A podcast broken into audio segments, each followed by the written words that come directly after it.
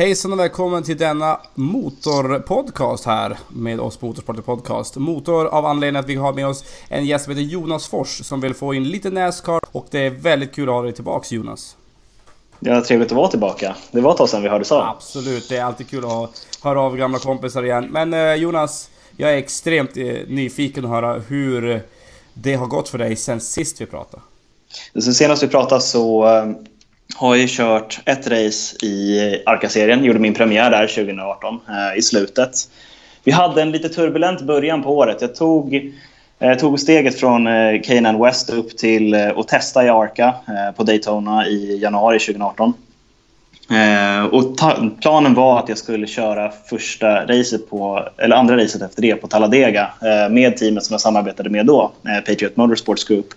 Men eh, det var tre race däremellan eh, där vi övervakade teamet väldigt noggrant för att se hur de levererade och jag kände, det kändes inte rätt i, i magen att, eh, att fortsätta med dem. Eh, på grund av egentligen att de hade ganska mycket organisationsproblem. De gjorde sitt första år i Arka och när eh, ett team kliver in i en ny serie med begränsade medel så, så kommer man ha eh, lite barnsjukdomar. Och eh, det kände jag, eftersom att jag är där jag är i min eh, karriär, eh, där mina sponsorer är relativt nya, några har jag haft sedan jag började, ehm, så vill jag inte chocka dem med att ta en stor risk för ett sämre resultat. Så då fick vi gå tillbaka till förhandlingsbordet och prata med flera nya team. Serien Arca har varit otroligt hjälpsamma där ehm, i att hitta en, en, en perfekt matchning då. Det landade på att köra för Kimmel Racing i slutet av säsongen för att de flesta teamen hade signat upp sig och mot slutet av säsongen så var det några förare som hade droppat av. dem.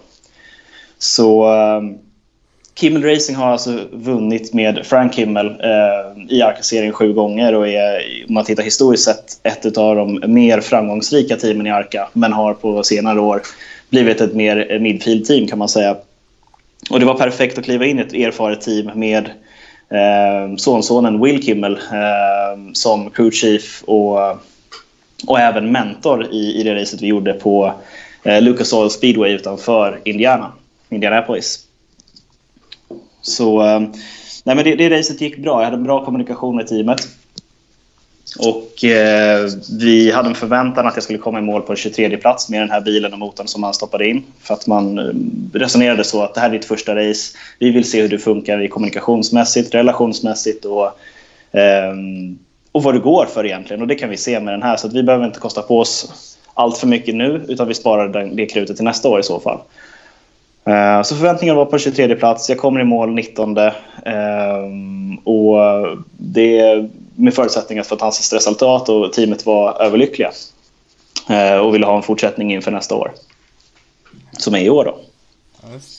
Ja, det är ju magiskt. Men jag, jag, jag tycker vi kommer ihåg att vi satt och pratade om det här förra gången liksom att eh, du får höra av dig när du liksom sitter där i en eh, säker sits och där du jobbar emot eh, kuppen Och nu sitter vi här. Du har ju liksom en eh, stabil styrning och har, har, gjort ett jäkla bra jobb. Så vad kul att höra att det lossnar för dig. Vi är verkligen på gång nu. Ehm, det, det, det känns eh, egentligen otroligt bra från att komma från ingenstans. Och nu känns det mer eller mindre som att jag konkurrerar på förarmarknaden på samma vad ska man säga, förutsättningar som de amerikanska förarna gör. Ehm, jag har fått erbjudanden från andra team under eh, lågsäsongen men det kommer jag kliva in lite mer eh, djupgående i eh, om ett par veckor så kommer jag släppa vad jag kommer göra i år. Ja men det låter jättebra, det låter jättebra. Det är alltid intressant, men vi kan ju bara ta en liten förkortad version då. Eh, vi har ju fått en del funderingar om amerikansk racing då, men vi kan ju hålla oss lite såklart då till Nascar. När det kommer till att eh, att eh, ta sig till USA så är det väl så att man eh, kan liksom jobba sig via eh, V8 Thundercar och eh, liksom därifrån. Men hur, hur, eh, brukar, hur brukar man göra egentligen om vi tittar på i, i ett bredare perspektiv från europeiska förare mot amerikansk racing? För vi ser ju många som kör eh, Euro Nascar och sen kliver över. Men du har ju inte kört riktigt på det spåret om jag har förstått det rätt.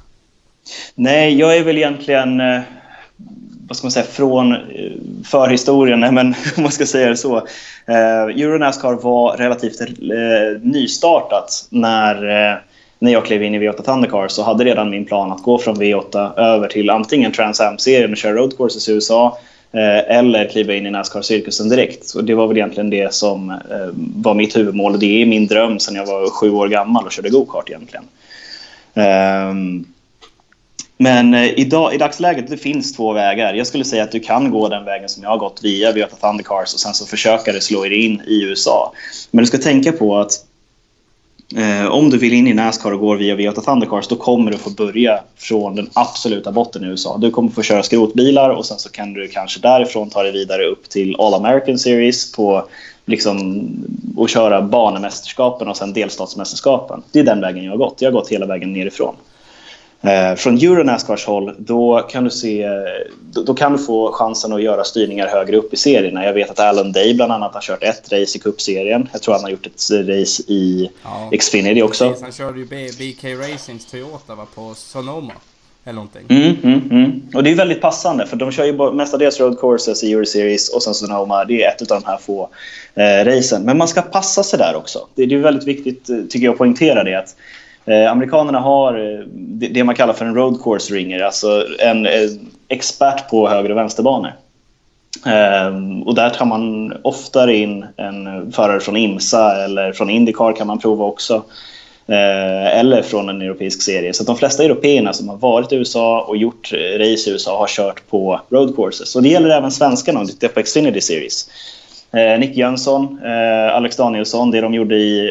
Alex Danielsson körde på Mid-Ohio, Nick Jönsson körde på Montreal. 2012 eller något, 20, något sånt där. Det är back in the day de körde vid Montreal va? Ja, verkligen. Jag tror det var 2007 Nick gjorde det och 2012 var det jag, Danielsson var över. Uh, och även om vi tittar på um, Mattias Ekström så han körde på Sonoma och så, så körde han short track på Richmond. Precis, just det. Och det, det är det som ligger närmast i hand för någon som är van att köra på road courses. Men jag har gått en annan väg. Jag, jag, jag jobbar mig stabilt mot att bli eh, Sveriges ovalexpert. Mm, det tycker jag är väldigt ambitiöst och helt rätt tänk. För det är, det är ju egentligen där man måste lägga största krutet eftersom att majoriteten av banorna är ovalbanor i olika former. One, det är liksom eh, superspeedways som Talladega till, till då Daytona och så har du då till exempel du har eh, Pocono, som är väldigt olika karaktärer av banor, men som bägge allihopa har, eh, har bankningar. Nej men precis, och det är, det är där som du måste lära dig. Det är ett annat körsätt eh, på de här banorna. Alltså det, visst, det, det är två vänsterkurvor. Jag, jag, ska inte ljuga, det är inte mer komplicerat än så. Men eh, racingen blir så mycket tätare och det är så mycket mer att tänka på. För att varje miss du gör, varje, varje varv du överkör däcken eller kommer in i, i fel Eh, fel groove på banan så, så, kommer det i de sista tio varven synas. Eh, så du måste, ha, eh, du måste vara otroligt stark i racecraft. Det, det, det är inget snack om den saken. Har du finessen i körningen då kommer du vara en för, fantastiskt duktig förare på, på road courses. Men det hjälper dig inte så mycket egentligen när du kommer till ovalen. Då är det att köra med huvudet och racecraft som gäller. Och det, det har vi ju sett. Vi kan ju ta Juan Pablo Montoya, vi kan ta Eh, Eh, Marcus Ambrose. Extremt duktiga roadcrossförare men ack! Inte alls lika bra eh, på ovalerna. Eh, sen har du då riktiga monster på, på ovalerna. Då tänker jag till exempel att vi tar Kevin Harvick eller Kyle Busch. De är ju helt makalösa. Alltså jag tittar på, på Kevin Harvick när han kör. Det, det, det liksom går inte att förstå vad han gör riktigt. Nej, han är ju känd som the closer. Han, han stänger racet. Han, han går in med en mentalitet. Idag har han ju så otroligt mycket erfarenhet. Men den som är hetast idag det är nog Kyle Busch som närmar sig 200 eh, nationella segrar i Truck Series, Xfinity och Cup-serien totalt. Um, och han, Kyle Busch är nog det hetaste namnet jag skulle säga från de tre senaste veckorna och framåt eh, den här säsongen att titta på. Ja. Mm. Nej, men jag håller helt med dig. Men det, det, det, det, varför jag frågar det, för det är lite intressant för att det finns ju så många olika vägar för att nå till Nascar. Det finns väldigt mycket att, att veta om de olika eh, serierna och olika liksom, tillvägagångssätten. Men jag tänker ändå så här. Du säger ju att du har eh, liksom jobbat ifrån botten i Nascar-serien. Skulle du kunna berätta lite grann om hur det har varit de här... Eh, du snackar om skrotbilar och, och såna här grejer och hur, hur det, hur det liksom har varit att jobba sig upp dit du är idag. För mig har det gått egentligen som en saga. Jag ska, jag ska inte underdriva det. Jag har hamnat med precis rätt personer eh, egentligen hela vägen som har sett potentialen i mig eh, och sett hur de själva kan tjäna på eh, att samarbeta med mig. Eh, det är så lätt att se eh, någon som kommer från, eh, utifrån som konkurrens istället och jag tror att där har ju din personlighet och mentalitet och inställning eh, en väldigt stor eh, roll i det hela. Men man kan säga att man börjar, den absolut lägsta klassen, det, det är det man kallar för Hornet Racing skulle jag säga. I alla fall i Idaho där jag kommer, kommer ifrån. Det är min, vad ska man säga, moderdelstat i USA de som plockade upp mig och det är där jag har vuxit. Eh, och det är egentligen kanske gamla Ford Escorter eh, från eh, slutet av 80-talet, början av 90-talet. Växellådan, ja men det är lite svårt att få i trean kanske, men de andra växlarna sitter kvar. Det är inte så noga. Det finns inga rutor kvar i bilen, man kör hönsnät eller dylikt istället för att inte få in det värsta. Ehm, och därifrån finns det egentligen ett uppskov av olika klasser och det ser lite olika ut beroende på vilken delstat du kommer i. Men det du vill nå där, det är All American Series eller köra i någon av de här bilarna som är eh, All American, Grand American eh, Modified-klasserna. Eh, för att sen ta det steget vidare till Late Models. Ja, och då börjar vi prata med Nascar-bilar i den form som man kanske är lite mer van att se. Vi har ju till exempel ja, Anthony, vad heter han nu, Kumpen har ju kört mycket sånt där också. Mm, mm. Och det är egentligen det som skulle vara spännande att se, tycker jag, om någon mer svensk skulle satsa på USA, det är att gå dirtvägen och börja på att köra oval, grusovaler. För det tror jag kan vara en otroligt bra eh, skola. Eh, det är många som säger det där borta också, att i, på grusovalerna lär man sig köra lite tuffare, man är hårdare mot varandra eh, och den typen av racing tar man med sig uppåt i serierna sen. Ja, just det. Ja, du har ju till exempel Eldora som ägs av Tony Stewart. Det är ju ett väldigt bra exempel på en dirt. Sån typ av bana tänker jag. Ja, absolut, absolut. Men, men eh, det, det, är intressant att höra för att då, då, förstår man ju liksom hur, eh, hur det ser ut. För man vet ju att racingen är en enda stor stege tills du når sista trappsteget helt enkelt. Men är det, är det någonting som när du först kom till USA och började racea där från botten och eh, liksom när det kommer till liksom att ta sig igenom de här stegen som har varit, vad har varit största utmaningen och vad har du kunnat plocka med dig mest under den resan? Det, det, finns några utmaningar som jag skulle se som är lite knepiga och det är just det här som du ser ganska globalt över motorsporten. När du hamnar i ett team eh, där du eh, har en annan förare som du internt konkurrerar med. Eh, det, det, pratas inte så öppet om det här, eh, tycker jag. Det pratas för lite om det här att eh, din närmsta teamkollega är ju den som kan utveckla dig mest, den du har mest utbyte med och kan bygga dig som, och bli den absolut bästa föraren. Men det kan också bli en intern konkurrens. Varför? För, för det är ändå så att är jag snabbare än eh, den bästa föraren i teamet, då kommer jag få tillgång till den bästa bilen, den bästa motorn. Jag kommer få de bästa eh, mekanikerna på racen för att teamet kommer lägga sin energi mot att få så bra resultat som möjligt och synas så bra som möjligt. Um, och där är det knepigt att få till relationen, i synnerhet om du kommer som utomstående. Du har en helt annan kulturell bakgrund. Um, ni känner inte varandra sen innan. Personen har ingen koll på dig, men du kanske har stenkoll på den andra för att du har följt serien i flera år. Eh, men annars så är det budgeten. Ekonomin är eh, stentuff eh, i den här sporten. Och det, det handlar väl ganska mycket om också att bara flytta sponsorverksamheten från Sverige till USA eller från Europa till USA. Det, det är inte många som har lyckats med det. Um, för att du har massvis med problem med att ja, men du ska öppna bolag där borta och du ska ha visum och det är det, ena och det andra. Och för de svenska sponsorerna som du har eh, många gånger så förlorar du många av dem för att du inte kan erbjuda tillräckligt bra värde för dem hemma i Sverige. Men där tror jag att vi har mm, funnit mer eller mindre den, den vinnande formeln att ha kvar våra lokala partners och hitta nya vägar och se till att de kan göra bra affärer. Mm. Ja, det, det där är ju någonting, det, det håller jag faktiskt med dig om. Inom Nascar, liksom... Ja, inom näska, eller racing, eller amerikansk racing generellt ska jag säga. Så pratas det ganska lite om precis det du säger. Jag håller faktiskt med dig där. För i Formel 1 så hör man ju, hör man ju också ofta om de här sakerna. Eller i DTM eller, eller dylikt. Alltså det här med hur svårt det är att vara kompisar eller hur saker förändras eh, beroende på vem som är bäst eller eh, vart vartannat annat. Så att man, men när du säger det så fick jag faktiskt en tanke att man märker det. Jag, jag, tycker själv att man märker det väldigt tydligt på Joe Gibbs. Jag tycker det är väldigt tydligt att man lägger väldigt mycket krut på till exempel eh, Kyle Busch eller Martin Truex. Men å andra sidan så är det de som levererar bäst resultat också. Men jag, jag fick lite en, en, en ögonöppnare när du lyfte det. Ja, men tittar vi på, vi har Joe Gibbs Racing som exempel, tittar vi på förra året, du såg inte mycket av eh, Daniel Suarez, du såg inte mycket av Danny Hamlin. Eh, teamet lyfter inte fram dem lika mycket för att allt fokus cirkulerade ganska mycket om att se till att eh, Truex levererar som ny förare. Eh, han var ju eh, regerande eh, vad heter mästare då, eh, men även Kyle Busch som har varit första föraren och är väl fortfarande det eh, i Joe Gibbs. Um, och det, det där blir ju... Det är nästan så att du kan se eh, lite konkurrensen mellan eh, Kyle Busch och eh, Denny Hamlin emellanåt. Eh, men nu har Denny Hamlin levererat så mycket, om jag får säga det, sämre. Han har absolut inte gjort dåliga resultat eh, än Kyle Busch. Kyle Busch gör någonting enastående eh, och har gjort det de senaste två åren. Eh, och det är svårt att mäta sig med det. Ja, men han har ju också... Oavsett vad man tycker om Kyle Busch så är det ju också så att han, han har ju extremt mycket mer biltid och det där måste du kunna ta med dig. Men jag känner om du är så duktig på att köra truckar eller pickuper och du är så himla duktig på att köra Xfinity eh, och så kör du då i kuppen så är det klart att du får ju extremt mycket information om banan och dess karaktär. Eh, och, och det är klart, det där kan man ju plocka med sig upp i, i cupracen sen.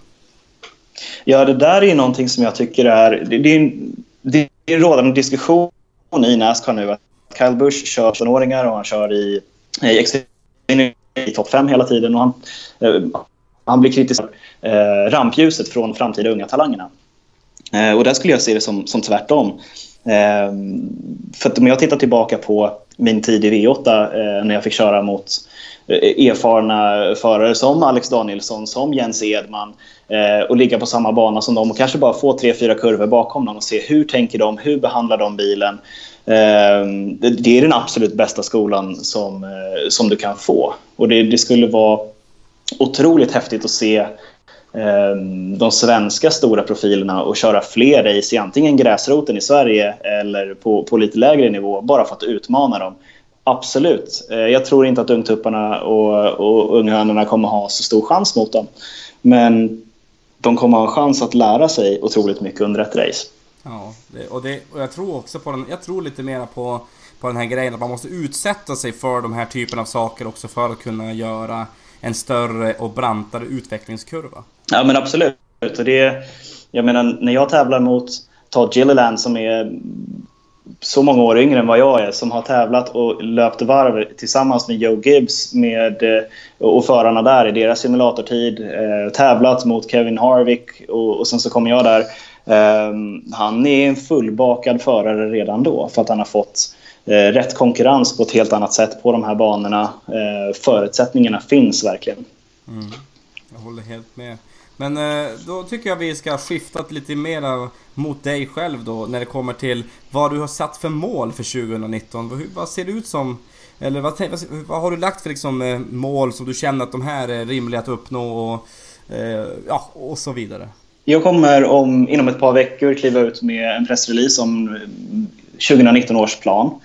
Ehm, jag kan inte gå in så mycket mer på det nu, men det som är färdigt är att jag kommer eh, ta ett steg framåt eh, och göra någonting som jag har drömt om sedan jag var väldigt liten. Ehm, ingenting jätteamazing, men det är fortfarande ett steg framåt i den planen som vi har lagt sedan tidigare. Ehm, och det är väl det som, som jag kan säga om 2019 just nu. Mm.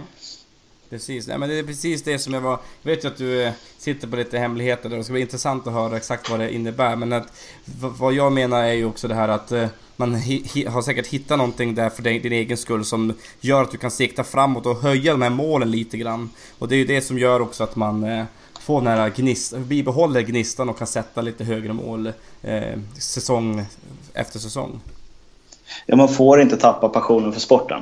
Det, det är det, absolut viktigaste. Du, du, måste tycka att varje varv du gör, varje löppass du gör, eh, varje styrkepass du gör där du inte är på banan och varje sponsormöte eh, du har som inte går så bra, att det fortfarande är roligt för att du jobbar dig framåt mot sporten. Mm. De sakerna som vi har gjort under vintern egentligen, det är att jag har insett att på den här nivån, när du kliver upp mot Arca, då klarar du inte själv längre. Mm. Så jag har eh, inlett eh, samarbeten med, med tre personer som hjälper mig här hemma. Eh, den ena personen är Sebastian Titanen, eh, nära vän till mig, duktig säljare som hjälper, att, hjälper mig med att eh, skräddarsy samarbeten med olika sponsorer. Han har erfarenhet som, som säljare och jobbat globalt mot väldigt, väldigt stora bolag. Fantastiskt duktig kille. Sen har jag eh, Kristoffer Englund som eh, är eh, en marknadskille egentligen. Jobbar på Fotografiska, på deras marknadsavdelning, Fotografiska museet i Stockholm. Han har ingen som helst erfarenhet av racing så han kommer med ett jättebra utanförperspektiv. Och den som syns mest på mina sociala medier skulle jag säga som hjälper till att bygga eh, min Instagram. Gå gärna in och titta på den eh, i feeden. Det är Emma Skytte. Eh, fantastiskt kreativ, duktig fotograf. Eh, och det har verkligen lyft mig att jobba med, med de här tre eh, under vintern. Mm. Nej men det, det, låter perfekt och det är ju det här som så många människor inte förstår. Och jag får ofta frågan, även jag, liksom, vad är det som, hur ska man göra för att bli framgångsrik? Och jag, jag kommer alltid att säga samma sak. Att framgångsrik, beroende på hur man definierar det, byggs bara utav att omge sig med rätt personer med rätt kompetens. Ja men absolut, jag kan skriva under det hundra gånger. Jag menar, det, det, skulle jag skriva en lista på alla människor som har bidragit och, och, och tagit mig dit jag är. Det är ett, hundratals namn alltså. Eh, på ett eller annat sätt som har utmanat mig eller som har hjälpt mig med små saker. Eh, och allt det här på hög eh, har tagit mig till Arka. Mm. Jag har också en fråga. Vad är de vanligaste fördomarna eh, när det kommer till frågor gentemot dig eller sporten som du ofta eller generellt får svara på?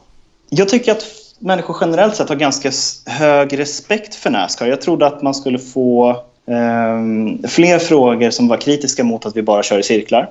För det gör vi. Vi eh, packar ihop och lägger jättemycket energi för att åka till en bana och så svänger vi vänster 800 gånger och sen åker vi hem igen. Um, men eh, det är väl en fråga som är eh, rätt så vanlig också. Vad, vad är finessen med, med Nascar? Var, varför Nascar och varför inte köra höger och vänsterbanor? Mm. Um, och mitt svar på den frågan skulle vara att det är racingen för mig som är intressant. Jag gillar kampen mellan förarna. Vi spelar schack i 300 km i timmen. Um, går det utanför luftströmmen så måste jag vara med på vad som kommer hända med turbulensen. Um, och jag måste hela tiden ha tillförlit till min spotter som står upp och ger mig uh, egentligen koordinering vart alla andra bilar befinner sig på banan. Eh, och det får du inte riktigt på en höger vänsterbana. Eh, på en road course så är det du mot banan. I, på en ovalbana så är det du mot de andra förarna. Mm. Och det, det, är faktiskt korrekt. Att jag, jag tycker att eh, även om jag älskar Formel 1 eller dylikt eh, och liknande så är det ju så också att det blir en lite för stor spridning eh, på, på eh, sådana banor om vi säger så. Även om jag tycker om den typen av racing så är det ju att det, det krävs mycket talang att köra höger och vänster också men det blir lite det kommer liksom en, en toppduo eh, och så kommer det lite midfield och så kommer lite efterslänta, lite utspritt så här kors och tvärs. Medan du får lite mer pack racing som du ser på Daytona, som du ser på många andra eh, Nascar-banor när man har de här ovalerna. Eh, det tycker jag, det håller jag med om faktiskt. Och det är väl det som är eh, finessen tillsammans med farten. Det är också en fråga som jag får rätt ofta. Är du inte rädd för att krascha? Och det är väl... Jag är alltid nervös. Det, det, det är ingenting eh, att, att sticka under stol med och säga att jag inte är rädd. Den som säger att den är rädd när den ska köra i 300, inte är rädd när den ska köra i 300 km i timmen, den ljuger för dig. Um, du vet att du kan bli skadad för livet. Du, du kan um, omkomma när du tävlar. Um, och, och det är en risk som du måste vara beredd att ta. Och det är en tanke på den risken måste du kunna släppa för att kunna fokusera och göra det du ska göra. Mm. Helt korrekt. Och det ser vi ju i, among, i sporter generellt i, på toppnivå när det kommer. Ja, men du kan ta utförsåkning i slalom eller dylikt. Man måste helt enkelt, det är som det jag som har, har friidrottat på hög nivå, även om det inte är förenat med livsfara rent så, så är det att du måste lägga bort massa tankar och massa eh, distraherande saker längst bak i huvudet när du ska göra det du verkligen ska göra. Och det, det är ju så, du kan inte hålla på som du säger till exempel på Talladega hur fort som helst. Där man till och med motorer eh, så går det ändå bra biten över 300 km i timmen. Eh, så måste man kunna lägga den typen av tankar bakom för sig. Ja, du är där och nu och det är lyckligtvis när du kör i de hastigheterna så, så är det svårt att fokusera på någonting annat. Precis. Det händer så mycket framför, framför dig och runt omkring dig så att du, du, du, måste vara där, där och då i nuet. Och det är också lite grann av eh, tjusningen med att köra racerbil skulle jag säga. Eh, ja, det, det, kan jag tänka mig, men jag har också en väldigt intressant fråga här. Eh, du som säkert ser en hel del Nascar Cup också, så skulle jag vilja ställa frågan vad är dina första åsikter om det nya Aero-paketet för 2019 i kuppen?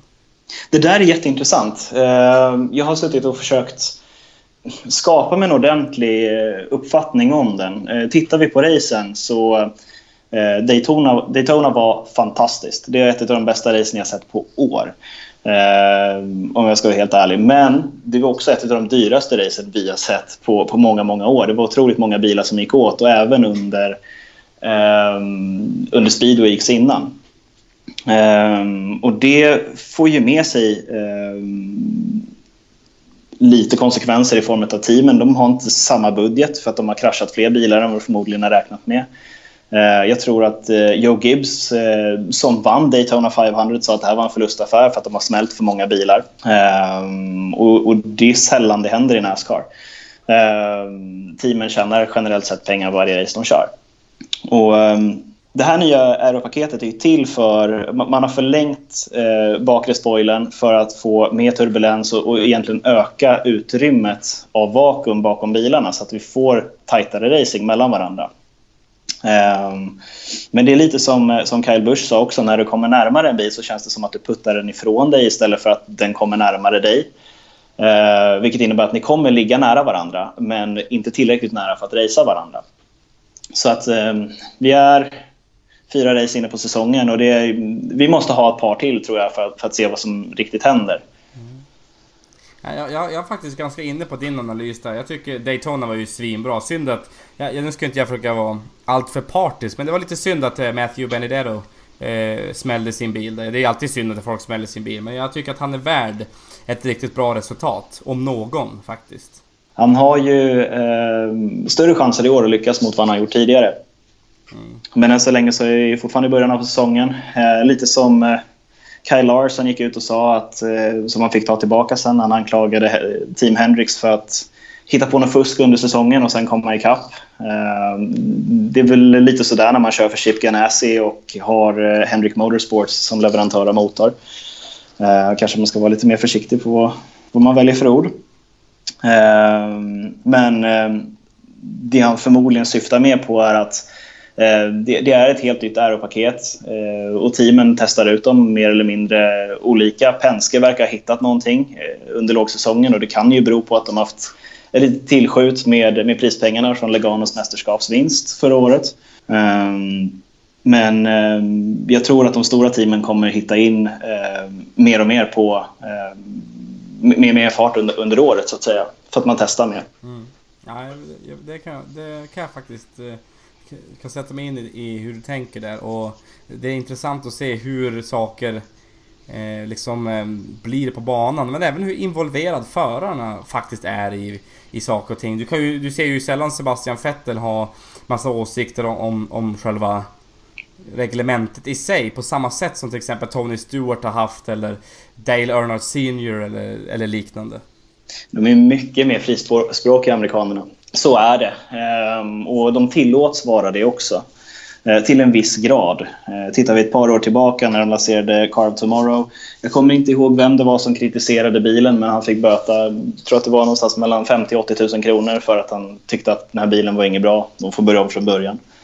Eh, och då hävdade Nascar att det är så många människor som har lagt ner så många timmar eh, och så mycket passion på att ta fram den här bilen och sen så kan man inte bara gå ut och kritisera så många människors hårda arbete egentligen. Ehm, men generellt sett, varje team försöker ju driva sin fråga här. Ehm, det här har spelat Penske i händerna och det tycker inte Joe Gibbs om och det tycker inte Henrik Motorsports om heller. Ehm, i synnerhet nu när vi har eh, en säsongsbörjan som vi ser eh, så har Henrik Motorsports lite problem i, i år igen. De har ju tagit ett steg tillbaka under förra året redan. Eh, men tittar vi på på slutspelen nu så har vi två bilar från Penske vidare och vi har två bilar från Joe Gibbs vidare. Ja, men va, jag, har, jag tänker så här innan vi börjar rulla in på lite öppnare tak när det kommer till racebilar så måste jag ändå få ställa den här frågan. Jag har ställt den frågan tidigare jag pratade med Ted Westerfors men, men eh, vi har som inte kommit fram till den riktiga eh, slutgiltiga svaret Det är vad är det som har hänt med Hendrik? För det är någonting som har hänt där när de har, som du säger, gått bakåt. För de har ju 2016 vann de ju med Jimmy Johnson. Eh, så att någonting är det som har blivit då sen nya Camaron har kommit. Med mera. Det finns vissa rykten som säger att Chevrolet har varit för dominanta och att eh, Toyota och Ford kanske är på väg att hoppa av Nascar om eh, de inte får en eh, chans att vinna. Men jag skulle snarare säga så här, titta på vad som har hänt med Hendrick Motorsports. Idag har man Alex Bowman, man har Chase Elliott. Eh, och, och egentligen... William Byron är den sista, precis. Och titta på medelåldern i Henrik Motorsports idag mot 2016. De hade Jeff Gordon, du hade Dale Earnhardt Jr och sen så hade du eh, Casey Kane. Mm. Så har de tappat otroligt mycket erfarenhet på bana och förmodligen återgivning av information. Och jag tror att mycket ligger i nyckeln där. att Jimmy Johnsons roll idag är snarare att ge information till den här unga eh, staben av förare som är den nästa generationen. Snarare än att ha ett utbyte med de andra förarna. Och då kommer vi tillbaka till det här som vi pratade om förut. Att, mm. eh, det kan bli konkurrens mellan förarna och det tror jag kan uppstå bland de här yngre killarna. Eh, för att alla vill komma fram, de vet att de sitter i bland det bästa materialet du kan få tag i i USA. De sitter jättebra team och de vet att deras plats i teamet alltid är eh, intressant för andra. Eh, så det kan vara mycket väl så att de samarbetar inte så bra för de känner konkurrens mot varandra. Och så sitter Jimmy Johnson på en hörna och, och försöker göra det bästa av situationen egentligen. Ja, det är... Men det är vad jag ser utifrån. Ja, men det, det, är väl inte en helt otrolig tanke. För, men någonting är det ju där, där det liksom inte riktigt lirar. Och, och nu tror inte jag att eh, vi ska gå ut och säga eh, allt för mycket om, om Henrik Motorsports. Men vad jag, vad jag vet av min racingerfarenhet så är att eh, Henrik Motorsport kommer inte att ha råd att ha säsonger som 2018 allt för många säsonger. Nej, någonting kommer ju hända där och då är, kan vi nog titta på eh, att vi har sett det redan egentligen. Att vi redan har sett eh, konsekvenserna av det. För att en yngre eh, förarstab innebär också en eh, mindre lönenivå till förarna. Men nu ska vi se på det att som crew chief i Nascar så tjänar du nästan dubbla lönen mot vad föraren gör. Det är så pass. Så, att, så att crew chiefen är en... I vissa fall, nu kan inte jag tala för hela 43 bilars fältet, men i vissa fall så ser det ut så. Um, och vi vet att det har varit långa lönediskussioner. Kurt Busch fick kliva ner rejält eh, inför förra året redan. Eh, och inför i år tror jag att det varit inte direkt bättre hos Ganassi. Um, och, och, det här sparar ju pengar, men det handlar ju också om att eh, tittar du på bilarna också så är det mindre och mindre reklam på dem. Mm. Um, och det kan ha berott på uh, att det har blivit mindre människor på läktarna. Men tittar vi på de första racen i år, de fyra första, så ser det mycket bättre ut än vad det gjort på länge. Så det, det är någonting på gång och allt. Men det var ju precis, och det kom ju precis innan vi avrundar det här Nascar-snacket så är det ju den här äh, konstanta, konstanta publikfrågan. Och det, den, jag vet ju svaret på några av dem och det är ju också att Eh, dels, är, dels måste man faktiskt gå in och säga att folks koncentration är ganska låg. Det är faktiskt ett bevisat faktum när man tittar på Eh, Eh, på en del människor. Att, att, alltså, eh, det måste vara en viss nivå excitement helt enkelt. Eh, för att folk ska vara intresserade av att se. Sen är det ju också konkurrensen av andra. Super Bowl, du har ja, NFL, NHL, du har NBA med mera, med mera. Och så också konkurrera med Nascar. Så att där är det också faktorer som, som spelar in i att det blir färre ögon som sagt. Men Finns det några andra faktorer utöver det? Tror du också på det här att eh, bilarna är mindre stock cars som de var förr i tiden? Att det också spelar in, inkluderat de här andra faktorerna som tidigare nämnda? Eller hur tänker du Jonas Fors? Jag tror inte att man ska gå i den fällan och säga att det är biltypen som är för långt ifrån produktionsbilarna som är problemet. Ehm, då tror jag att man skapar sig ett problem som inte riktigt har funnits där tidigare också. Ehm, tittar vi på eh, utvecklingen de senaste åren, som jag har förstått det, slog recensionen eh, hårt mot USA, lågkonjunkturen, eh, 2008-2009. Ehm, människor hade inte råd att bo längre. Eh, det finns fortfarande spår av det här i USA om du kommer ut lite grann och tittar i, i delstater som South, eh, South Dakota och mer ut på, på den västra landsbygden. Eh, om du kollar i, mer åt vilda västhållen egentligen. egentligen. Eh, och har du inte råd att bo, då har du inte råd att köpa en husbil och du har inte råd att gå på sportevenemang heller. Utan du fokuserar på att eh, familjen ska ha, något, tak över huvudet, mat på bordet och tillhör du medelklassen så sparar du alla de dollarna du har till att barnen ska kunna gå i college. Um, och jag, jag, tror att eh, det, det, kommer leva kvar ett tag till. Pratar vi om konkurrens från NFL, från NBA, eh, nordstaterna, NHL, eh, så de serierna har funnits där förut. Eh, den konkurrensen har alltid funnits där. Och det är svårt att jämföra början av 2000-talet när du har den här superclashen av den gamla legenden Dale Earnhardt mot Jeff Gordon som kommer in. Vi har inte haft den rivaliteten riktigt um, de senare åren. Och sen så ska vi också se till att några av de största profilerna de har klivit av banan, Jeff Gordon, vi har uh, Dale Earnhardt Jr. Um, ehm, men Mark Martin, absolut. Eh, vi har ett generationsskifte och därför är det så skönt att se att nu i början på 2019 så, så fylls publikerna igen. Daytona 500 är nästan alltid slutsålt och det var det i år också. Publiken såg inte så illa ut på Las Vegas och det gjorde inte det i Phoenix heller. Ehm, så ehm, vi, vi, har en... Ehm, vad ska man säga? Eh, läser man i kommentarsfälten så, så, finns det alltid positiva och negativa reaktioner. Jag tror att det är lätt för folk att eh, snöa in sig på, på det som är negativt. Eh, inte bara i USA. Det håller jag med om. Eh, och jag tror att... Jag brukar faktiskt... Jag kan vara helt öppen. I kommentarsfältet brukar jag ofta skriva så här att var stolta över den sporten jag skapat och stå bakom den istället för att, att sänka den. Eftersom att det blir liksom en cirkulation av negativitet som bara mynnar ut i ingenting positivt. Som egentligen gynnar varken dig själv, du som saknar det som du vill se på skärmen mot det som egentligen gör att sporten blir bättre. Nej men det, det, är helt rätt. Jag menar fansen och supportrarna eh, till sporten, det är, det är drivmedlet, det är bensinen, det är det som får det att, att, att driva runt det. Det spelar ingen roll vilken sport eller vilken underhållning du än pratar om. Har du tv-program och ingen tittar på det, ja, men då kan du inte fortsätta produktionen. Och, ehm, kan inte Nascar leverera tillräckligt bra underhållningsvärde om du tittar på evenemanget eller om du tittar på, eh, på tv-produktionen, ja, men då kommer man få problem. Eh, och därför känns det så otroligt häftigt att man gör nya investeringar. Man bygger ett helt nytt Talladega. Banan kommer att vara densamma, men inneplan bygger man om helt och hållet. Um, och, och, att läktarna faktiskt uh, fylls på igen. Så det, det, det, blåser rätt vindar i USA just nu. Absolut. Och det, jämför vi det med annan motorsport uh, världen över så, så, så, ser det väldigt ljust ut om, om man får jämföra äpplen och päron.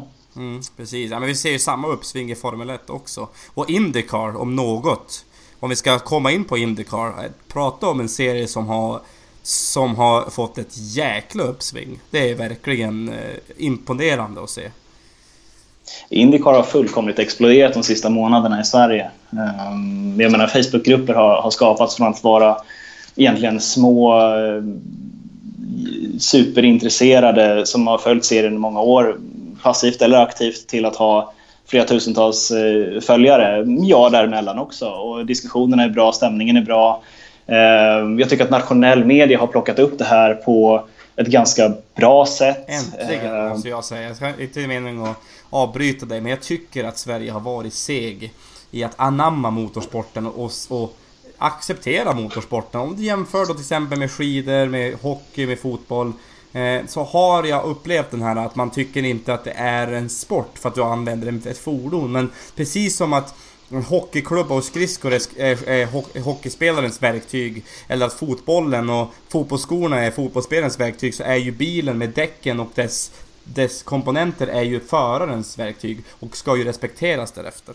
Ja men så är det absolut. Det, mm, motorsporten är en sport och tittar vi på utövarna till sporten så, så är det atleter. Det är inte gemene man. Vem som helst kan inte sätta sig bakom ratten och göra det Marcus Eriksson eller Felix Rosenqvist eller eh, någon annan av oss egentligen eh, på banan. Det krävs träning, det krävs eh, fokus och det krävs eh, förmåga att släppa det vi pratade om förut, rädslan för om någonting går fel. Precis. Och det, och det, och det, och någonting som, någonting som eh, verkligen är tydligt för det. Vi kan ju ta till exempel då vi kan ta... Eh, krocken med Dale Earnhardt i början av 2000-talet. Vi kan ta krocken med Robert Wickens. Det är ett väldigt bra mm. exempel. Eh, du kan ta Marcus Eriksson på Monza. Så det, och, och, och, men någonstans, det gör ju inte att de slutar. Men Robert Wickens med rätt rehabträning och med rätt... Eh, ja, om han får tid på sig kommer definitivt kunna köra någon form av race igen. Det tror jag. Jag är... Jag har sällan varit så extremt imponerad över vad... Vilken säkerhet bilarna i Indycar har. Säkerheten i Nascar har, har, har fått sen Dale Earnhardt. Formel 1-bilarna är ju så säkra som de kan bli. Eh, när det kommer till, om du jämför med bakåt i tiden då såklart. Så det är intressant att se att även sådana stora smällar och sådana människor som är involverade i dem, att det inte blir någonting som stoppar deras motivation. Dit är, är det är min poäng. Ja, nej, men jag förstår precis vad du menar och det... För att ta Wickens som, som exempel.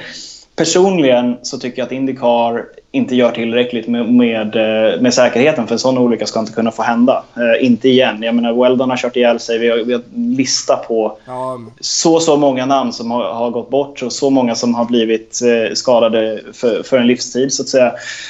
Um, och Justin Wilson också.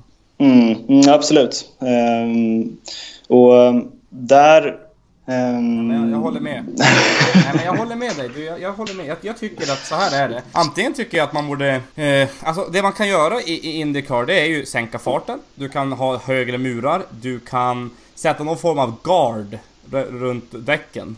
Eh, till exempel, du har ju sett att eh, Formula E har haft eh, sådana till exempel. På de tidigare, eh, tidigare generationens Formula E-bilar.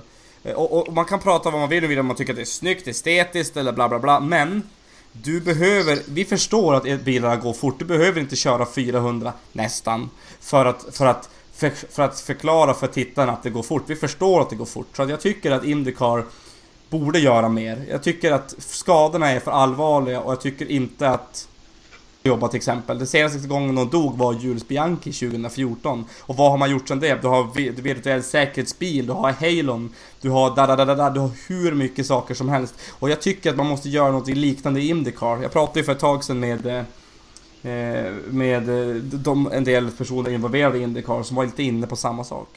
Ja, men det, det finns förare som säger att det Eh, risken är en, av anledningarna till att vi håller på med det här. Eh, och Det är en del av spänningen och att publiken tycker om att det är... Eh, risken är, är, en del av upplevelsen. Eh, vissa väljer till och med att gå så långt och säga att även, anledningen till att vi inte kollar på, på motorsport längre är för att det är ingen som kör ihjäl sig längre. Och det, eh, publiken vill inte se det. Ingen vill se någon eh, gå bort på arenan.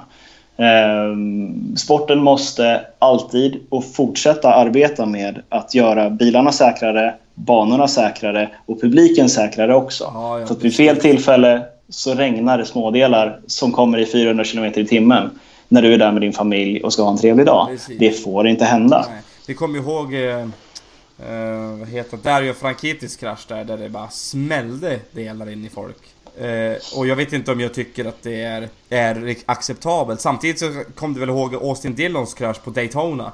Men, men det regnade ju inte delar på samma sätt som det gjorde med Wicken, med eh, eh Frankittis krasch. Jag vet inte hur du tänker på det? Nej, men det, det, det är helt sant som du säger. Visst, man sliter loss ett motorblock från en Nascar-bil och det, eh, vi, vi, har eh, 20-tals skadade på ett eller annat sätt. Det, det, det är svårt att eh, göra banorna helt säkra. För du måste fortfarande se bilarna. Du kan inte bygga väggar helt eh, alldeles för höga. Du kan använda stängsel, du kan använda plexiglas, absolut. Um, konkreta lösningar. Men jag tycker att det är viktigt att fortsätta arbetet mot eh, en säkrare sport. Och jag tycker att det som förare och utövare fortsätta kommunicera till publik och till andra utövare att det här är ingenting som, som vi bara ska vifta bort och säga att ja, men det är väl spännande när det är lite farligt. För när du väl sitter på sjukhusbåren efter det där och har den lyckan att fortfarande vara vaken då är du jävligt tacksam till alla de människorna som har arbetat för din säkerhet. Ja, men exakt. Jag håller, det är, vi håller med varandra i mycket här, men jag, jag, tycker inte att det är så himla mycket annat att säga. Det är ganska sunt förnuft tycker jag i det stora hela. Eh, och så. Men jag tänker så här då, Jonas, vad är din... Eh, vad, vad, tänker du kring Indycar eh, 2019 och inför säsongen med Indycar 2019? Vi kan ju säga att premiären har ju varit den var fantastisk. Jag menar, jag har sett eh, en av de snyggaste omkörningarna på år av Felix Rosenqvist. Eh, hans fart eh, i Ganassi är fantastisk. Jag, jag, jag är mållös egentligen. Eh, tråkigt att se Marcus Eriksson och inte kunna komma i mål. Eh, men är det så som han sa i intervjun först, han skriver på sina sociala medier senare och lugnar ner sig lite grann. Att han kan göra en P6 som han sa i intervjun, men sen senare skriver han P8 eh, med de förutsättningarna han har. Då, då, skulle han göra otroligt, otroligt bra ifrån sig eh, sitt första år i Indy. Eh, och kan vi se vinster från, från de här två förarna? Absolut. Absolut. Med, med, med rätt tillfällen och med eh, med rätt förutsättningar eh, på banan så, ehm, så, så kommer vi se en, eh, en svensk Indycars Victory Lane i år. Ja, absolut. Men jag, jag måste säga jag ska inte dissa mitt kära Formel 1, men det är jäkligt kul att se ett så jämnt fält igen. Det var länge, alltså för, för, för oss som bor i Sverige då och inte kanske har tillgång till alla, alla andra alternativa broadcasts så är det kul att det som man kan se eh, via till exempel via Play att det är så tight racing på det sättet. Alltså på det sättet att man verkligen kan följa en annan bil. Man kan använda push to pass om det absolut måste och att man verkligen kan ha racing genom hela loppet på det sättet. Det var uppfriskande att se. Ja men verkligen och det, det är väl det Indycar är känt för. Racingen är bra, den är jämnare, det är inte lika stora trösklar mellan teamen. Ehm, men jag har nog kanske lite mer förkärlek för Formel 1, men det är inte så konstigt för det är världens största sport, eh, motorsport. Då. Ehm, det finns inte så mycket annan sport i mitt liv. men ehm, ehm, fortfarande, vi har inte haft en svensk Indycar på många år och nu helt plötsligt så har vi två. Och jag tror då att stora delar av hela Motorsverige har väntat på att få se en kamp mellan eh, Marcus och Felix. Ja, eh, tittar man i forum, tittar man i, i diskussionsforum så, så, är det många som ställer sig frågan vad hade hänt om Felix hade fått Marcus chans och så vidare. Och så vidare. Jag eh, kan med säkerhet säga att Marcus och Felix är de största talangerna. Det, det är nog inget snack om den saken. Nej, det, det tror jag också. Men jag, jag, jag håller med. Jag skulle också vilja se vad de hade kunnat göra i i, eh, i Formel 1 bägge två. Eh, till exempel. Det hade varit extremt för att...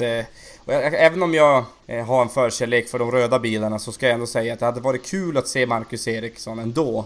Eh, få en möjlighet att köra årets Sauber för den ser fruktansvärt snabb ut. Jag hade ju den förmånen att Emma Skytte som jag jobbar med var nere i Barcelona och växlade ord med både Giovanessi och med, med Bottas eh, om året. Eh, och försäsongstesterna, det är svårt att se vart det där kommer landa egentligen. Eh, men Saubern ser ju snabbare ut än vad han har gjort på länge. Så kan vi säga. Det kan man kort sagt säga. Eh, jag tänker så här Jonas, har du någonting generellt motorrelaterat som du vill eh, lyfta eller diskutera innan vi stänger butiken för dagen? Jag tror att vi har berört eh, de flesta punkterna egentligen jag är otroligt tacksam till att du uppmärksammar Nascar i Sverige.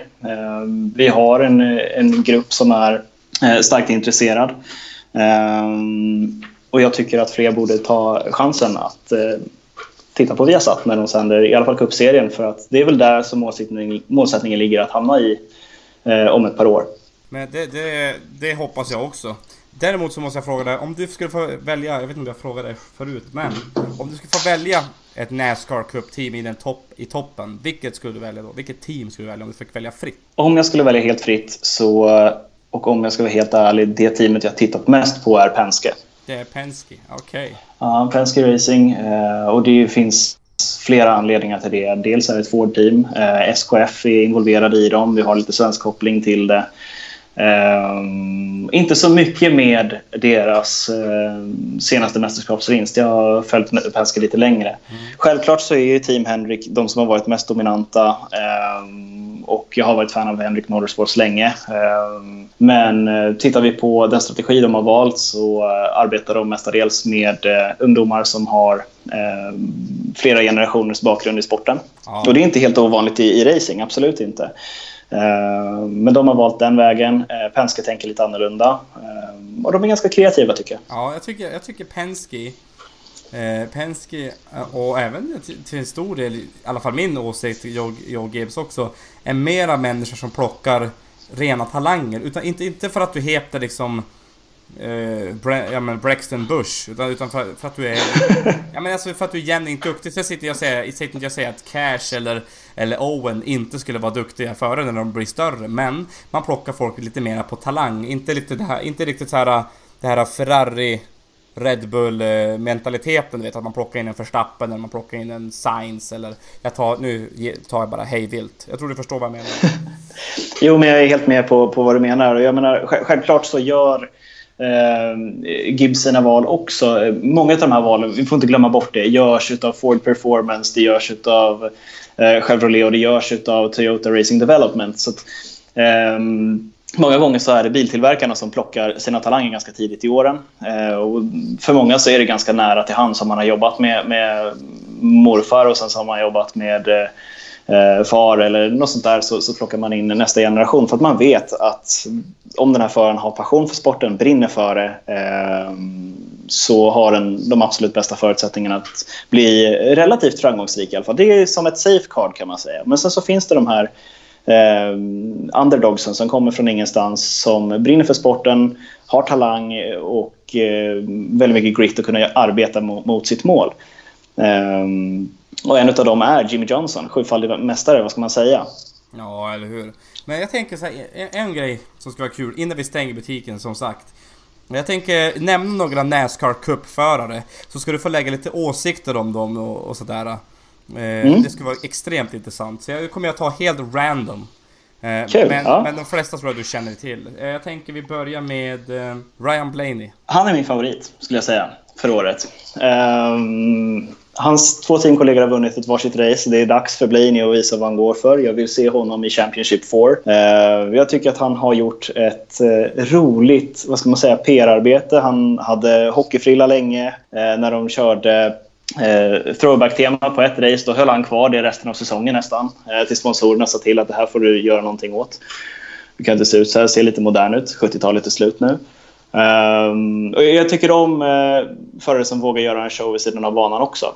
Okej, okay, bra. Det var, det, var, det var ett bra svar. Då tänker jag vi tar en av mina favoritförare, Kurt Busch. The Outlaw, han är intressant. Han har en eh, spännande historia och det, det, verkar som att han har fått en nytändning i Chip Ganassi. Eh, det var inte så länge sedan som han kom till Stuart Haas som han körde för förra året.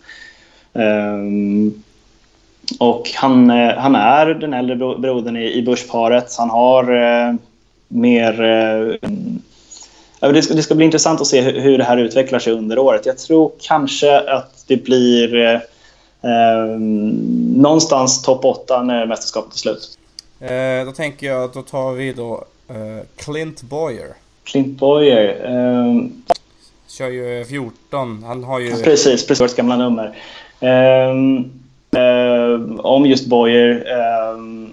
Ehm, han är ganska rolig, lite sarkastisk och sådär. Mycket humor, humor i honom. Ehm, och ehm, jag har inte riktigt klurat ut hans roll som eh, ren talang eller om det handlar om eh, sponsorer han har med sig in i teamet eller om det handlar om att ge sin in.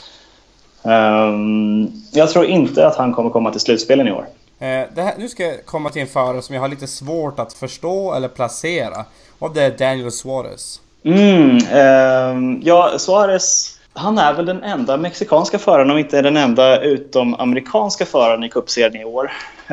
Um, gång på gång kritiserad för att han har kommit till Nascar på pengar och inte på talang. Det skulle inte jag säga. Han har vunnit Xfinity-serien. Eh, så talang finns eh, och väldigt mycket hårt arbete. Ehm, sen så var det ju slagsmål mellan honom och Michael McDowell på, eh, på kvalet i, i Phoenix eh, där han tyckte att han hade blivit blockerad. Och, ehm, antingen så tar man en diskussion eller så skickar man den andra föraren i backen tydligen. Uh, han är svår att placera, det är han. Han jobbar hårt, han är en fantastisk talang. Det är svårt som utomamerikan att slå sig in i Nascar. det är en helt egen sport i sig. jag har otroligt mycket respekt för honom och jag hoppas att han får ett lyft i och med att han kliver över till Stuart Haas nu. Mm. Tänker jag en förare som, ja enligt mig, jag säger Eh, men det är min åsikt. Men jag ska höra vad din åsikt är om nummer 11, Denny Hamlin. Denny Hamlin... Eh, lite komplex relation skulle jag säga. Eh, han har varit ganska kritisk på de, de, senare åren. Nu har han vunnit Daytona 500 igen. Så att han eh, verkar ha ett, eh, ett lyft där. Men för att ha varit så duktig så länge eh, och i ett av toppteamen väldigt länge så tycker jag han är alldeles för anonym och jobbar för lite med sina sociala kontakt, kanaler, fan engagement. Um, och, och, den delen. Han är, han är en duktig atlet, men han skulle kunna vara en mycket bättre idrottsman skulle jag säga. Mm. Just det. Då tänker jag på nummer fyra, Kevin Harvick. Kevin Harvick är eh, den tillsammans med Kyle Busch som jag skulle sätta på att vinna mästerskapet i år. Um, frågan är om eh, Stuart Haas har farten. Det jag gillar med Harvick är att han brukar köra på eh, K&N West eh, en gång varje år eh, på sin hemmabana i Bakersfield för att eh, ha kontakten med eh, hemmapubliken och eh, dra publik till banan. Eh, men även på samma sätt som, som Kyle Busch utmanar de unga kommande förarna eh, och kanske lära dem lite knep och sådär på banan. Jag tycker det är ödmjukt. Absolut. Då tänker jag på... Eh, vi kan ta Kyle Busch. Det är ju en vattendelare om någon. Eh, han är inte politiskt korrekt, om man ska kalla det så, inom vår sport. Eh, någonstans egentligen. Eh, han kan bua åt publiken, han kan bete sig och han eh, eh kan göra lite vad som helst känns det som. Eh, men han levererar som ingen annan just nu. Eh, vinst efter vinst efter vinst eh, i diverse serier som han kör. Han kör mycket bil vilket innebär att han tycker fortfarande det här är roligt. Han har fortfarande mål kvar. Eh, och vi får se hur många mästerskap han, han kan ta. Han är strax över 30 idag så att han kommer vara kvar i sporten i kanske 5-10 år till. Ja, absolut, så länge han levererar så här så Självklart. Eh, jag tänker då på en förare som jag tycker är väldigt anonym. Men eh, lite intresserad av att höra vad du tycker om och det är... Eh, det är ju han som tog över för Matt Kenseth. Vad heter han nu? Vad heter han nu igen? han som tog över för Matt Kenseth. Uh, vet du, vi ska se. Eric Jones? Ja, Eric Jones, precis. Um... Så, så anonym att jag glömmer bort det. Jo, men han är, han är, eh, han är anonym. Eh, han är en av de här talangerna som Toyota har plockat sen tidigt och bakat genom eh, Xfinity Series. Jag tycker att han gör ett bra jobb ifrån sig. Murkontakt då och då ibland. Men för att vara så ny i cupserien med allt vad det innebär så är det svårt att kritisera. Han är, han är ju en av de, den nya generationen och förmodligen Toyotas representant till att i framtiden ta, ta mästerskapen. Um, och det ska bli riktigt intressant att se um, om han fortsätter leverera och kan ge den yngre generationen i Hendrick samma utmaningar som han har gjort hittills. Mm. Har bara några förare kvar och jag tänker att uh, du ska få avhandla Bad Brad. Jag tycker han har skärpt sig ganska mycket på de senaste åren. Det, det har inte varit så fulkörning och sådär. Um, jag har varit uh, lite fram och tillbaka som fan, för det är, det är lite så jag kan se på de här förarna. Um, han varit mästare med Dodge uh, när de körde, så han har inte ett mästerskap på länge, men han fortsätter vara i toppen och leverera till Penske.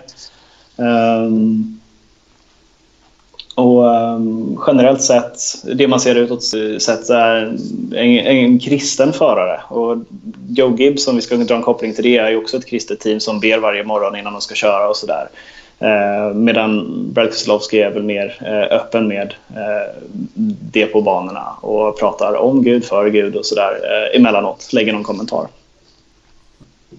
Just det.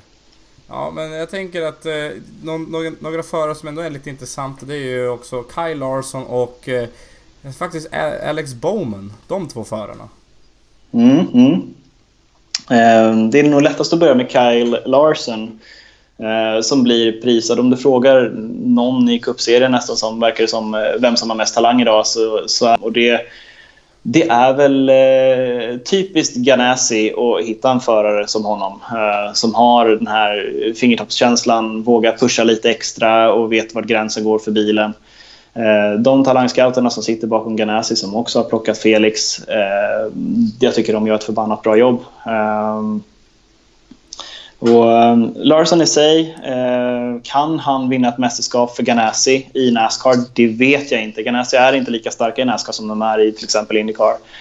Uh, de är fortfarande med i toppen, men jag tror att skulle han bli plockad av ett annat Chevrolet-team, kanske Hendrix, varför inte? Ehm, så eh, då, då, kan vi se mästerskap från honom i framtiden. Det tror jag också. Och då tänkte du runt Alex Bowman, Bowman the Showman. Bowman the Showman. Eh, om jag inte missminner mig nu så var hans familj inne i Nascar redan på 50-talet någon gång. Eh, och det är väl lite, jag tycker att han har eh, lite att bevisa. Eh, eh om jag inte missminner mig så kommer han in eh, samtidigt som William Byron eh, samma säsong förra året.